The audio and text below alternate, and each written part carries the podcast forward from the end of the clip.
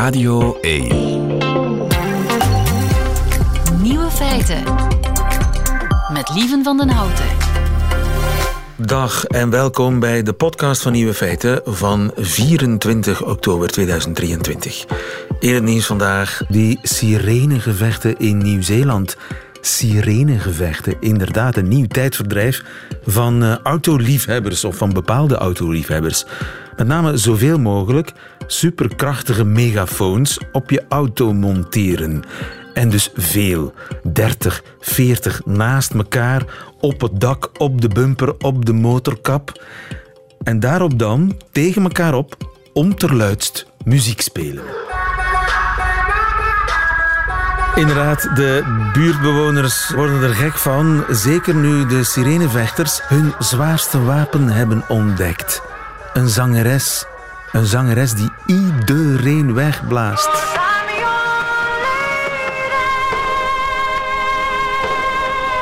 Ja, er wordt nu dringend gezocht naar een eh, afgelegen plek waar die sirenevechters hun eh, hobby kunnen beoefenen.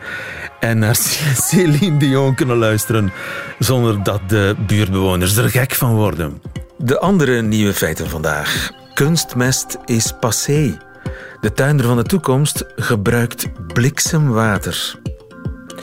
Weten we nu al zeker, een week na de feiten, wat er precies gebeurd is in dat vermeend gebombardeerde ziekenhuis in Gaza? De maan is ouder dan we dachten en Yuri Kortens gaat op safari in het riet. De nieuwe feiten van Katrien Zwartenbroeks die krijgt u in haar middagjournaal. Veel plezier. Gaat u straks uw moestuin bemesten met bliksemwater? Wel, als het van Erik afhangt wel. Goedemiddag, Erik. Goedemiddag. Erik Hertel, jij bent baas van Vital Fluid. En dat ja, is een... Vital Fluid heet Vital Fluid, mijn excuses. Ja. Jij verkoopt bliksemwater. Ja, wij, wij, eh, wij ontwikkelen en verkopen eh, machines die, eh, die de bliksem kunnen nabootsen. En daarmee een duurzaam alternatief bieden voor kunstmest. Water waar de bliksem op kunstmatige manier op is ingeslagen. Klopt, klopt. En hoe hebben jullie dat ontdekt dat daar, dat, dat ja, bruikbaar is als, als meststof? Ah, dat is helemaal niks nieuws. Dat is al, al eeuwenlang bekend. Oh ja? al, al, voordat kunstmest werd uitgevonden, uh, was bekend dat als de bliksem inslaat, dat dan een klein beetje van de stikstof uit de lucht aan water gebonden wordt. En uh, nou, dat, dat eeuwenoude principe hebben we weten te, te, te, ontwikkelen in de technologie. En in een machine waar we dus de bliksem en de regen, regenbui nabootsen. En op die manier wat stikstof uit de lucht kunnen halen en in het water kunnen, kunnen binden.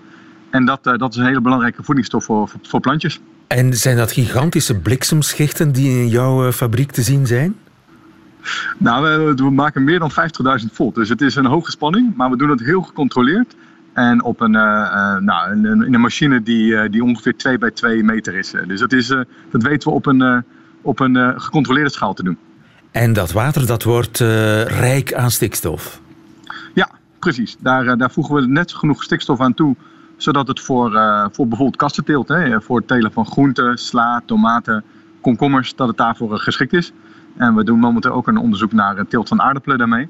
Oh ja. Uh, en, en we kunnen die machine ook ter plekke neerzetten. Dus uh, de tuinder kan met duurzame energie uit zonnepanelen of uit windenergie kan die zijn eigen, uh, eigen stikstof water bliksemwater maken en dat direct aan de planten voeden. Dus de tuinder kan het zelf laten bliksemen? Ja, Als het ware? Wauw. Ja, nee, helemaal. En zijn jullie al lang bezig of is dit een heel jong bedrijf? Nou, het is, uh, we zijn nu een, een, een, kleine tien jaar onderweg. En de eerste vier, vijf jaar is, is veel onderzoek gedaan naar hoe we dat proces konden nabootsen en konden controleren. En onze eerste grote machines staan nu na anderhalf, twee jaar uh, in de praktijk. We hebben uh, diverse proeven gedaan met Wageningen Universiteit, met onderzoeksinstellingen. Om te laten zien dat het werkt en dat het, dat het product geschikt is om mee te telen. Ja, en dat de boel... En die, laten eigenlijk al, al, al, en, en die proeven laten allemaal zien dat het kunstmest één op één kan vervangen. En we hebben nu de eerste vijf machines operationeel staan bij een klant in de Verenigde Staten. Eén op één met kunstmest? Ja. Dus het werkt net even goed. De resultaten zijn hetzelfde. De tuinder ziet het verschil niet tussen zijn groenten die bemest zijn met het traditioneel.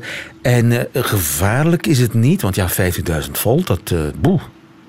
Nou, daarom hebben we een team van, van, van specialisten, elektrotechnici, natuurkundigen. En de machines zijn ook uh, CE gecertificeerd, hè, dus de, die voldoen aan de veiligheidseisen in Europa.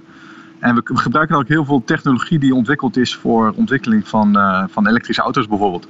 De, de, componenten en de techniek die daarin ontwikkeld is de afgelopen decennia, ja, die, die, die komt ons enorm goed van pas. Om dat op een goede en veilige manier te doen. En dat water, daar zie je geen verschil in. Dat, dat ziet eruit als water. Ja, exact. Wauw. En het grote voordeel is dat uh, ja, het is, het is uh, duurzaam in productie.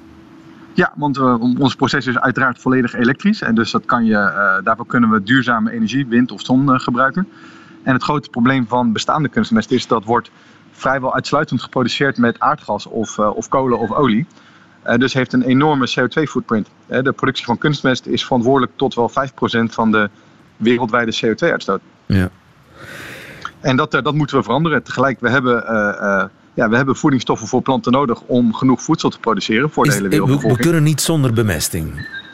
Nee, helaas niet. Helaas niet. Uh, de inschattingen zijn, schattingen zijn dat ongeveer de helft van de wereldbevolking momenteel te eten heeft dankzij gebruik van kunstmest. Ja, dus het is enerzijds een enorme zegen dat we dat hebben weten te ontwikkelen, kunstmest. Tegelijk een enorm probleem omdat het een, ja, een enorme bron van CO2-uitstoot is. En een domme vraag misschien, maar wordt dat water niet bloedheet? Uh, dat wordt in, in de machine, wordt de, de, de, lucht wordt heel warm en die wordt in de machine teruggekoeld. En het water dat, dat stijgt wel iets in temperatuur, maar dat is handwarm. Uh, dat, uh... Handwarm, oké. En, en die mest, die, ja, die stikstof, die blijft daarin zitten? Ja, die is stabiel en die, die wordt gebonden in, in, in het water. En die kan je dus met nou, de andere nutriënten die de plant nodig heeft, hè, magnesium, calcium, kalium, die kan je ook daarin aan toevoegen. De tuinders hebben allemaal een, een soort mengsysteem. Dus de andere nutriënten kunnen met het water gemengd worden en dan in de, ja, in de perfecte receptuur aan de plant worden aangeboden. Oké, en niet van drinken neem ik aan. Dat is beter van niet. Die, die vraag krijgen we uiteraard zo nu en dan. Ja. Maar dat, dat raden we toch altijd af. Ja, maar eh, als het dan per ongeluk toch gebeurt, dan eindig je niet in het ziekenhuis? Of uh, dat voel je meteen, dat proef je meteen? Wellicht. Nou, nee, dat, dat, dat, is niet verstandig om te doen inderdaad. Dus we behandelen het wel als gewoon een, eh, een, nou, een, een, een, een potentieel gevaarlijk product met alle waarschuwingen daarbij. Nee, dus mensen die denken ik drink plasmawater, want dat is goed voor de gezondheid. Uh, nee, dat, dat verstandig om dat niet te doen. Bliksemwater van uh, Vital Fluid. Dankjewel en veel succes, Erik Hertel. Goedemiddag. Dankjewel. Fijne dag. Dag. Nieuwe feiten. Radio 1. Vandaag precies een week geleden de grote explosie in het Al-Ali-hospitaal in Gaza. Maar weten we eigenlijk al met zekerheid wie of wat daarvoor verantwoordelijk is?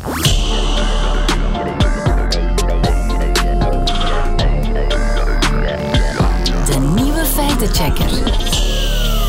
Rien en Marie, goedemiddag. Goedemiddag. Onze nieuwe feitenchecker. Ja, we zijn een week verder. Je zou mhm. toch denken, we weten nu toch al precies wat er gebeurd is. Hè? Een week geleden in dat hospitaal in Gaza. Je zou het kunnen denken, maar het is dus niet het geval. We weten het nog niet helemaal zeker. In het begin was het, wist iedereen het zeker, hè? Ja. Het was een Israëlische raket, het kon niet anders. Wel, dat was inderdaad wat, wat meteen die avond zelf nog te lezen was in zowat alle westerse media ook. Uh, eh, 500 doden, dat was het, het cijfer dat genoemd werd. En het was een Israëlische raket die zogezegd op het ziekenhuis was gevallen.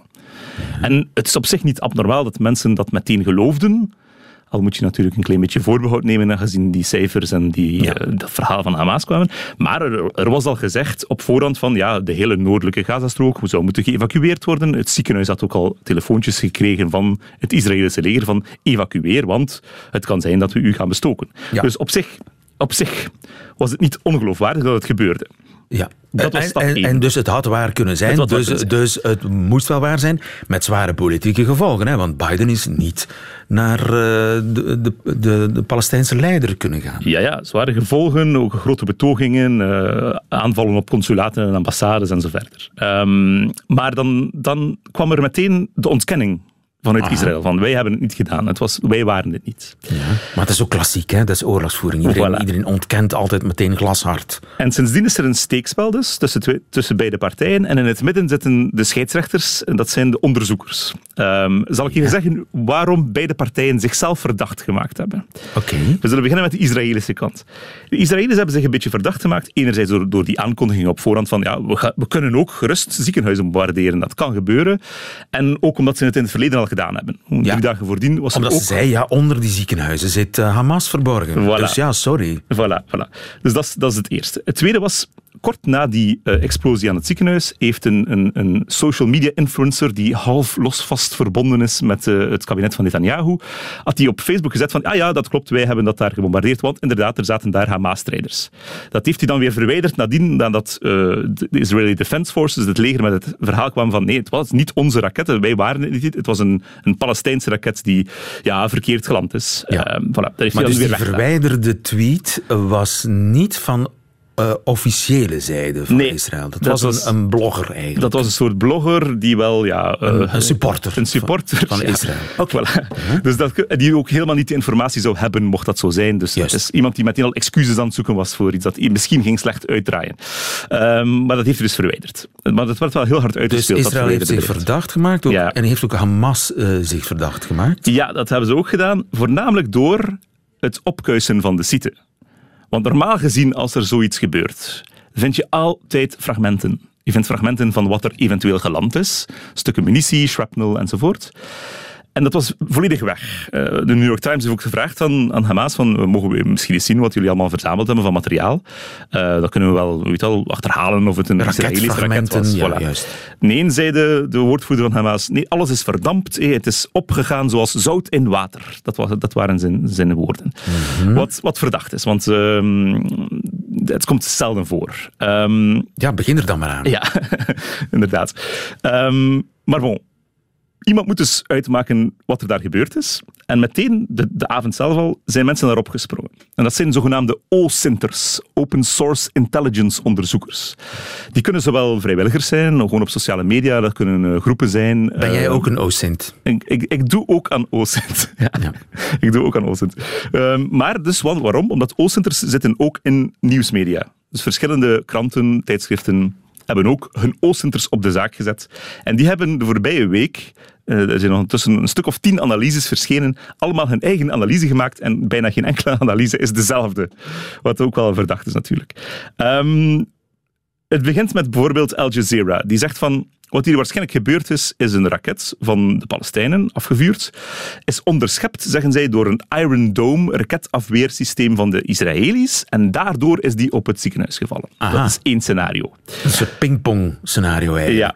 Anderen zeggen dan weer van, nee, dat zal niet zo zijn. Die Iron Dome afweerraketten die, die Israël heeft, die, die vuren ze niet af boven Gaza. En die zullen ze zeker niet afvuren als een raket nog aan het stijgen is. Nee, ze onderscheppen die als die aan het dalen is en als die in de buurt komt van iets gevaarlijks. Eh, dat, is, dat, is, eh, dat is alweer de tegenspraak daarvan. Ehm, andere mensen hebben voornamelijk gekeken naar de krater. Want er was Ja, er was geen krater. er was een krater. Er Ah, was, er een, was toch een kleine, krater. een kleine Kratertje. krater. Een klein kratertje van ongeveer een meter op een meter en ongeveer eh, ja, een half metertje diep. Wat eigenlijk een te kleine krater is voor een Israëlische luchtraket. Ja? Dat is te klein, dat zou niet kunnen. Het zou eventueel kunnen een soort luchtbom zijn die ontploft boven de grond. Dat is een ander scenario dat men onderzocht heeft, maar zwart. Men heeft gekeken naar de krater en vooral naar het, het, het patroon van ja, eh, spatten dat eruit komt. Eh, de munitie die verder ontploft is, die verder eh, doorgegleden is als het ware. En daaruit hebben bepaalde mensen afgeleid van die raket moet ongeveer uit het oosten gekomen zijn. En wat ligt ten oosten van de Gazastrook? Daar ligt Israël. Maar natuurlijk, dan ga je ervan uit dat het gaat om een, eh, een echte raket die afgeschoten is en in een mooie parabolische baan recht geland is vanuit het oosten daar.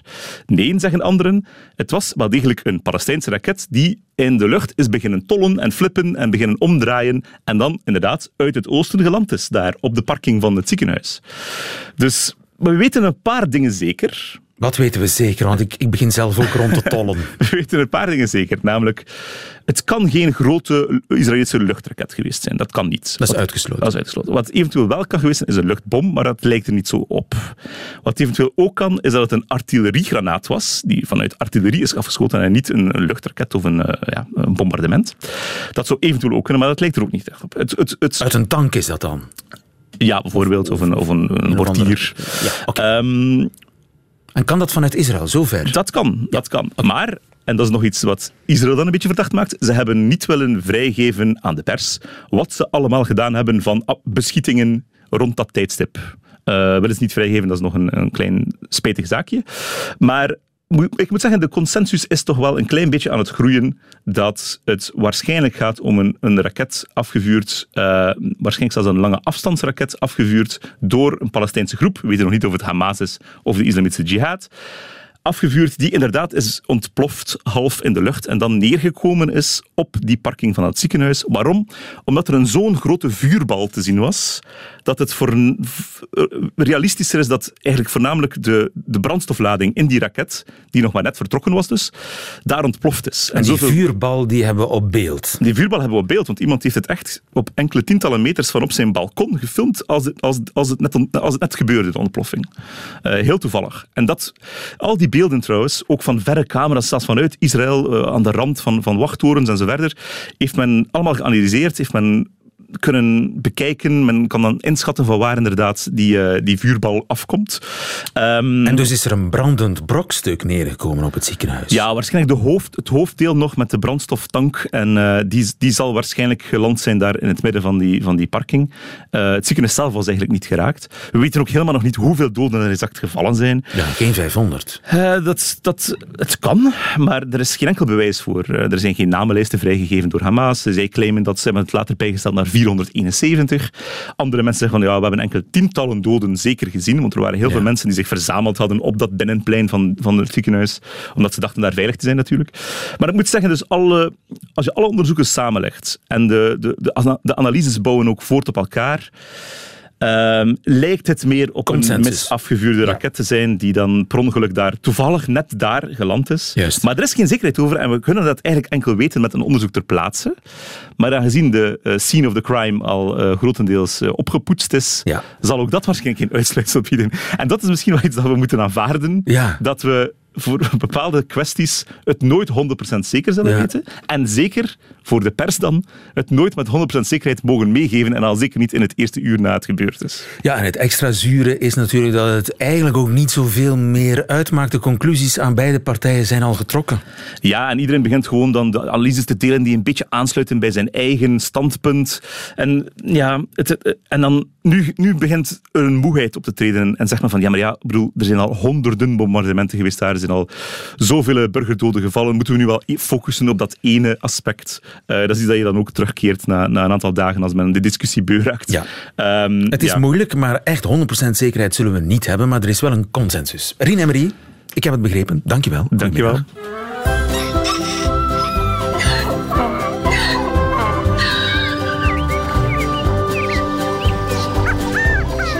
Juri Buiten.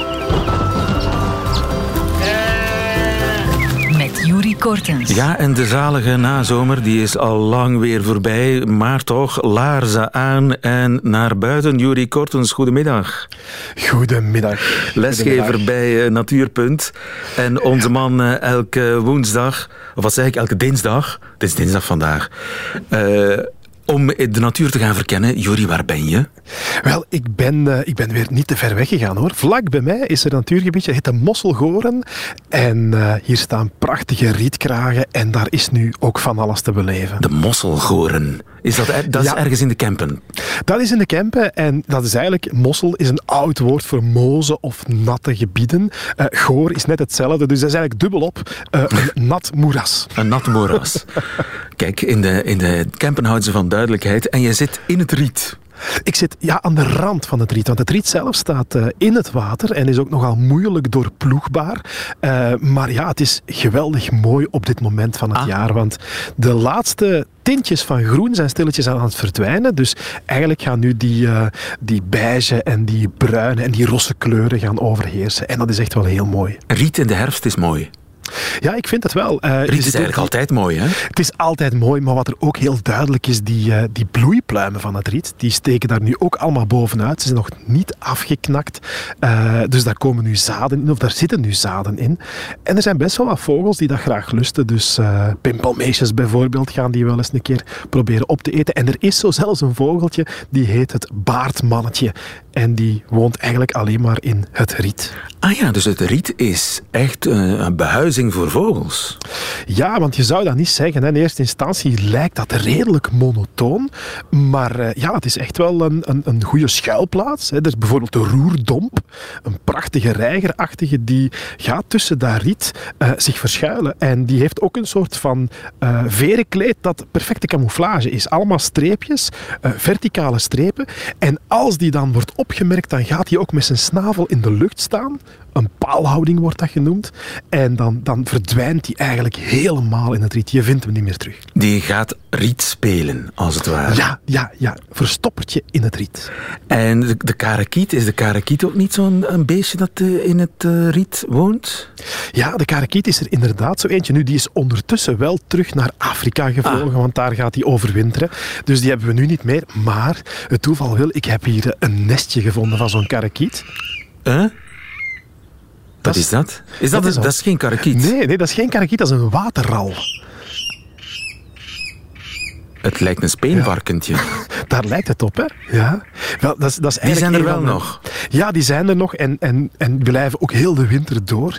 Uh, dat zijn prachtige vogeltjes. De waterral is, is eigenlijk familie van de waterhoen en de meerkoet. En zelfs van de kraanvogel, die hele grote. Uh, en die leeft echt wel in het riet. Dus die heeft hele grote uh, voeten waarmee dat die op drijvende massa's kan lopen.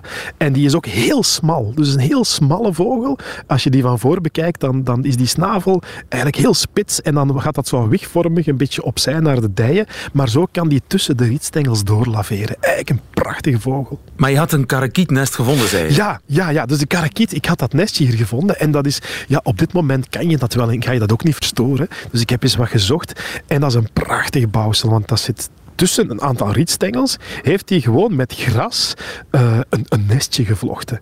En dat lijkt helemaal niet sterk, maar het voordeel is, dat zit nergens vast aan. Dus dat, dat riet dat gaat heen en weer waaien en dat nestje dat schuift daar eigenlijk door. Of die rietstengels schuiven door dat nest, waardoor dat die echt wel op de juiste plaats blijft. Ah ja, dus is een nest met vering. Ja, dat is, ja, zo kan je het een beetje ja, vering, zoiets in, in die trend. Uh, gewoon, het blijft ter plekke. En de rietstengels, als die waaien, schuiven die daardoor. Het zal altijd wel een klein beetje wiebelen, hè, maar uh, Geweldig. Dat, dat waait die kleintjes wel in slaap, denk ik. En is riet eigenlijk ook niet een soort gras? Ja, dat is, dat is onze grootste grassoort. Uh, en riet is ook gewoon riet. Er is één soort in onze contraien. Er bestaan ook nog wel gelijkende dingen als rietgras. Uh, bijvoorbeeld uh, suikerriet is geen riet. Dat is meer familie van, van maïs bijvoorbeeld, maar uiteindelijk ook een grassoort. En is dat nuttig, behalve dan als schuilplaats voor vogels en als vering voor vogelnesten? Ja, is ja. riet ook nuttig? Zijn we daar iets mee? We zijn daar zeker iets mee, dus dat wordt overal toegepast. En dan moeten we even gaan kijken waar dat die rietstengels gaan groeien. Dus die groeien altijd een beetje in het water uh, of op heel vochtige plekken. En er zijn drie manieren om zo'n riet om ergens te ontkiemen. Uh, eerst ga je ofwel uh, via zaad ontkiemen. De tweede is wanneer dat je met je worteluitlopers onder de grond verder gaat. Maar er zijn ook rietstengels die zich horizontaal in het water begeven. Soms uitlopers vormen van wel ja, drie, vier tot tien meter lang. En daar op die knopen ontstaan dan verticale nieuwe rietstengels. Dus die maken matten langs grote meren bijvoorbeeld. En daardoor zorgen ze dat die, die oevers bestand zijn tegen, tegen erosie. En dat, dat doet men in Nederland dus redelijk veel op dit moment. Dus rietmatten aanleggen of rietkanten aanleggen tegen de erosie van de grote meren. Dus er zijn horizontale stengels die 10 meter ver gaan? Nee, de, eerste, de, de stengels of de, de, de wortels zijn, verticaal, zijn horizontaal, die gaan 10 meter ver in het water. En daarop komen dan horizontale stengels. En ja, dan gaat het allemaal vertakken en worden allemaal matte systemen. Dus dan krijg je een soort van drijftil, een drijvend iets, dat die deining, die golfslag van dat water tegenhoudt en zo de afslag van de oever, de erosie tegenhoudt. Ja, het lijkt heel gewoon riet, maar het is eigenlijk heel ongewoon. Het is heel bijzonder. Ja, het is, het is echt wel een bijzondere plant hoor. Want uh, het, is, het is eigenlijk geen waterplant op zich. Het is een oeverplant. Uh, die heeft dus luchtzuurstof nodig om te kunnen ademen. En die brengt die luchtzuurstof ook of gewoon redelijk diep onder water en ook in die, eh, in die bodem, omdat die allemaal holle stengels en holle wortels heeft. Dus daar zitten luchtkamers in die stengels en in die wortels, brengt dat tot helemaal beneden en daar profiteren dan ook weer ja, allerlei bacteriën van. Bacteriën die bijvoorbeeld het water gaan zuiveren. Dus ook zo wordt riet ingezet als een waterzuiveraar, maar eigenlijk is het niet het riet. Het riet faciliteert de bacteriën Ah. die het water gaan zuiveren. En is dat dan ook zo een van die, je hebt van die zwembaden die, Mhm. eh, die natuurlijk zijn, dus waar allerlei planten in groeien om het, die het water zuiver houden. Is dat dan Ja. ook riet? Daar zit inderdaad riet tussen, maar dat zijn verschillende soorten planten, oeverplanten die dat doen. De lisdottes bijvoorbeeld. En er zijn eigenlijk heel wat soorten. Men noemt dat dan een helofietenfilter.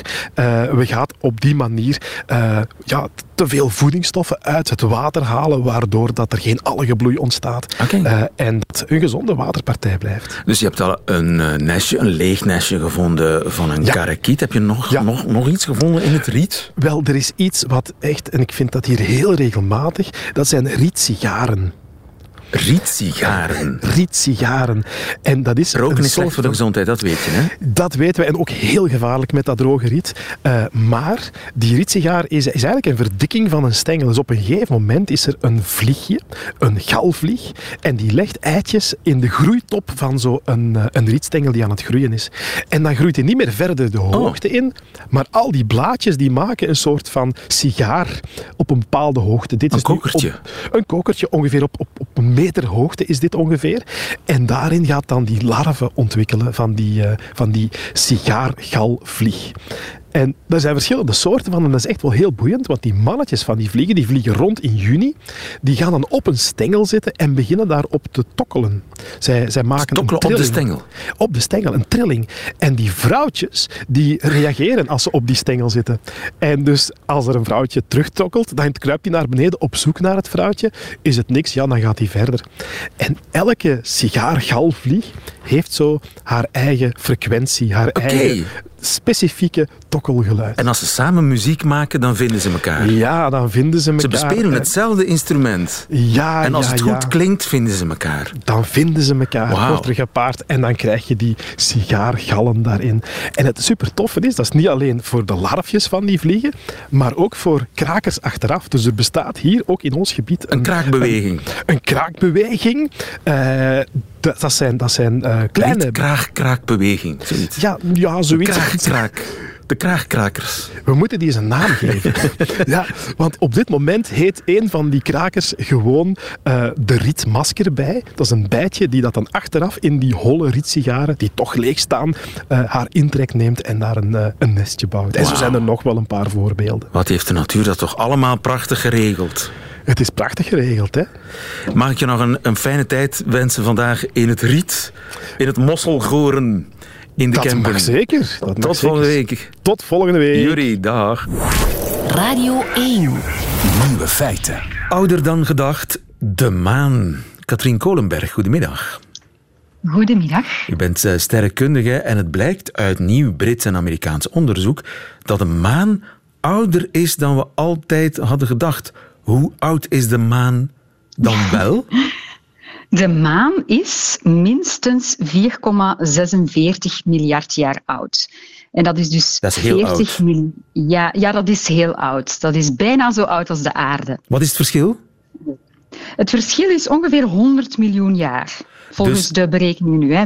Ja, En dat is- maximaal. Dat is eh, in, in, ja, in jullie branche is dat een oogwenk, 100 miljoen jaar. Dat is heel snel. Ehm, dat is een oogwenk, maar het maakt toch een verschil. We vinden het toch interessant om, om te weten hoe, hoe oud de maan precies is. Ja. Omdat dat ons iets leert over de, ja, de geschiedenis van ons, ons zonnestelsel en hoe het daar heel vroeg was in ons zonnestelsel. Goed, maar dus de maan is maar 100 miljoen jaar jonger dan de aarde. De aarde die 4 miljard en 540 miljoen jaar geleden gevormd werd. Dus de, de maan is ongeveer 4, 4 miljard 400 miljoen jaar geleden gevormd. En wat is er toen gebeurd? Wel, eh, in, die vroeg, in dat vroege zonnestelsel was, er, ja, was het tumultueuzer dan het nu is. En er is een heel groot object, de grootte van Mars, op de aarde eh, gebotst. dus dat is ons vermoeden over het ontstaan van de maan. En dat heeft ervoor gezorgd dat een deel van de aarde is weggeslingerd.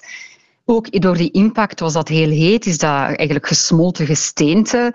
Uh, dan nadien samengesmolten tot onze maan. Ah ja, dat was dus een soort, mijn moeder zou zeggen, dret. ja, ik weet niet of dat een algemeen Vlaams woord is, maar dat was een soort kokende ja, klonter. Ja, kokend gesteente. Magma, hè? Magma. En dat is dan beginnen tollen en is beginnen uh, ja, stollen. En stollen. Tollen en stollen. En eens dat gestold was, hebben zich daar op dat maanoppervlak kristallen gevormd. En die zijn 51 jaar geleden mee teruggebracht van op de maan door de astronauten van de Apollo 17-missie. En dus die zijn recent onderzocht door die uh, Britse en Amerikaanse onderzoekers met een nieuwe techniek, atoomsondetomografie heet dat, waarmee we heel gedetailleerd kunnen te weten komen van hoe oud de, ja, dat gesteente precies is. Oh ja, dus er zijn geen nieuwe monsters genomen op de maan. We zijn niet opnieuw gaan kijken naar de maan, met, ofwel manueel of met toestellen of zo. Nee, het zijn eigenlijk de stenen die 51 jaar geleden van de maan zijn meegenomen naar de aarde, die nieuwe feiten hebben prijsgegeven. Absoluut, ja, daar kunnen we nog altijd heel veel nieuws uit leren, omdat we nu de technieken hebben om daar ja, meer en meer details uit te gaan ontrafelen.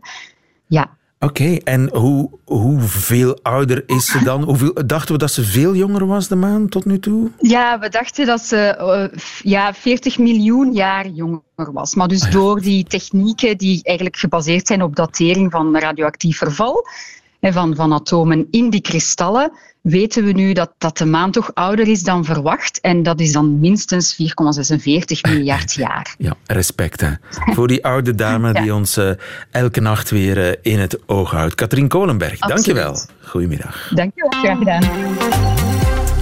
Nieuwe feiten. En dat waren ze, de nieuwe feiten van vandaag, 24 oktober 2023. Alleen nog die van journalist en uh, schrijver Katrien Zwartenbroeks. Die krijgt u nu in haar middagjournaal. Nieuwe feiten. Middagjournaal. Vandaag is het dinsdag 24 oktober. Het is 1994 jaar geleden dat de uitbarsting van de vulkaan Vesuvius de stad Pompeii onder een dikke laag as liet verdwijnen. 94 jaar geleden sinds Zwarte Donderdag, de beurscrash in New York, die het begin van de Grote Depressie vormde, en rapper Drake is jarig. Geen zorgen, dit is niet mijn brein, het is Wikipedia. Maar ik ben er zeker van dat de zakagenda van mijn grootvader u hetzelfde had kunnen vertellen. Het was een klein ding dat, zoals de naam het beloofde, perfect paste in de binnenzak van zijn vest. Ondanks zijn beperkte marge stond bij iedere dag in kleine blauwe letters gedrukt welke belangrijke feestdagen of herdenkingen er al dan niet wereldwijd zouden plaatsvinden.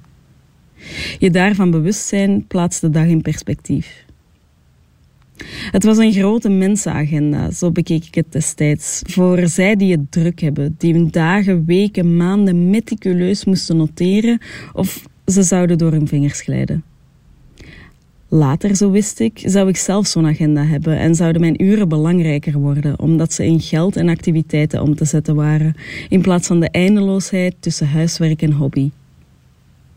We zijn nu later en ik heb geen agenda. Ik kijk elke dag op Wikipedia, dat wel, maar ik slaag er maar niet in om een vast systeem te vinden dat mijn etmalen in opdrachten, urgenties en afspraken weergeeft. Ik heb zowat alle mogelijke exemplaren geprobeerd, van klassieke zakagenda's tot hippe bullet journals die je zelf moet samenstellen, van muurkalenders tot organisatie-apps. Mijn tijd laat zich niet temmen, ook al zijn mijn uren steeds goed gevuld. Het zou chaos moeten veroorzaken en dat doet het ook, maar het geeft me ook iets waarvan ik in mijn kindertijd nog niet wist dat veel mensen verliezen naarmate ze de tijd beginnen bij te houden. Verwondering, verbazing, verrassing. Ook vandaag. Het is dinsdag 24 oktober en ik ben benieuwd wat de dag zal brengen.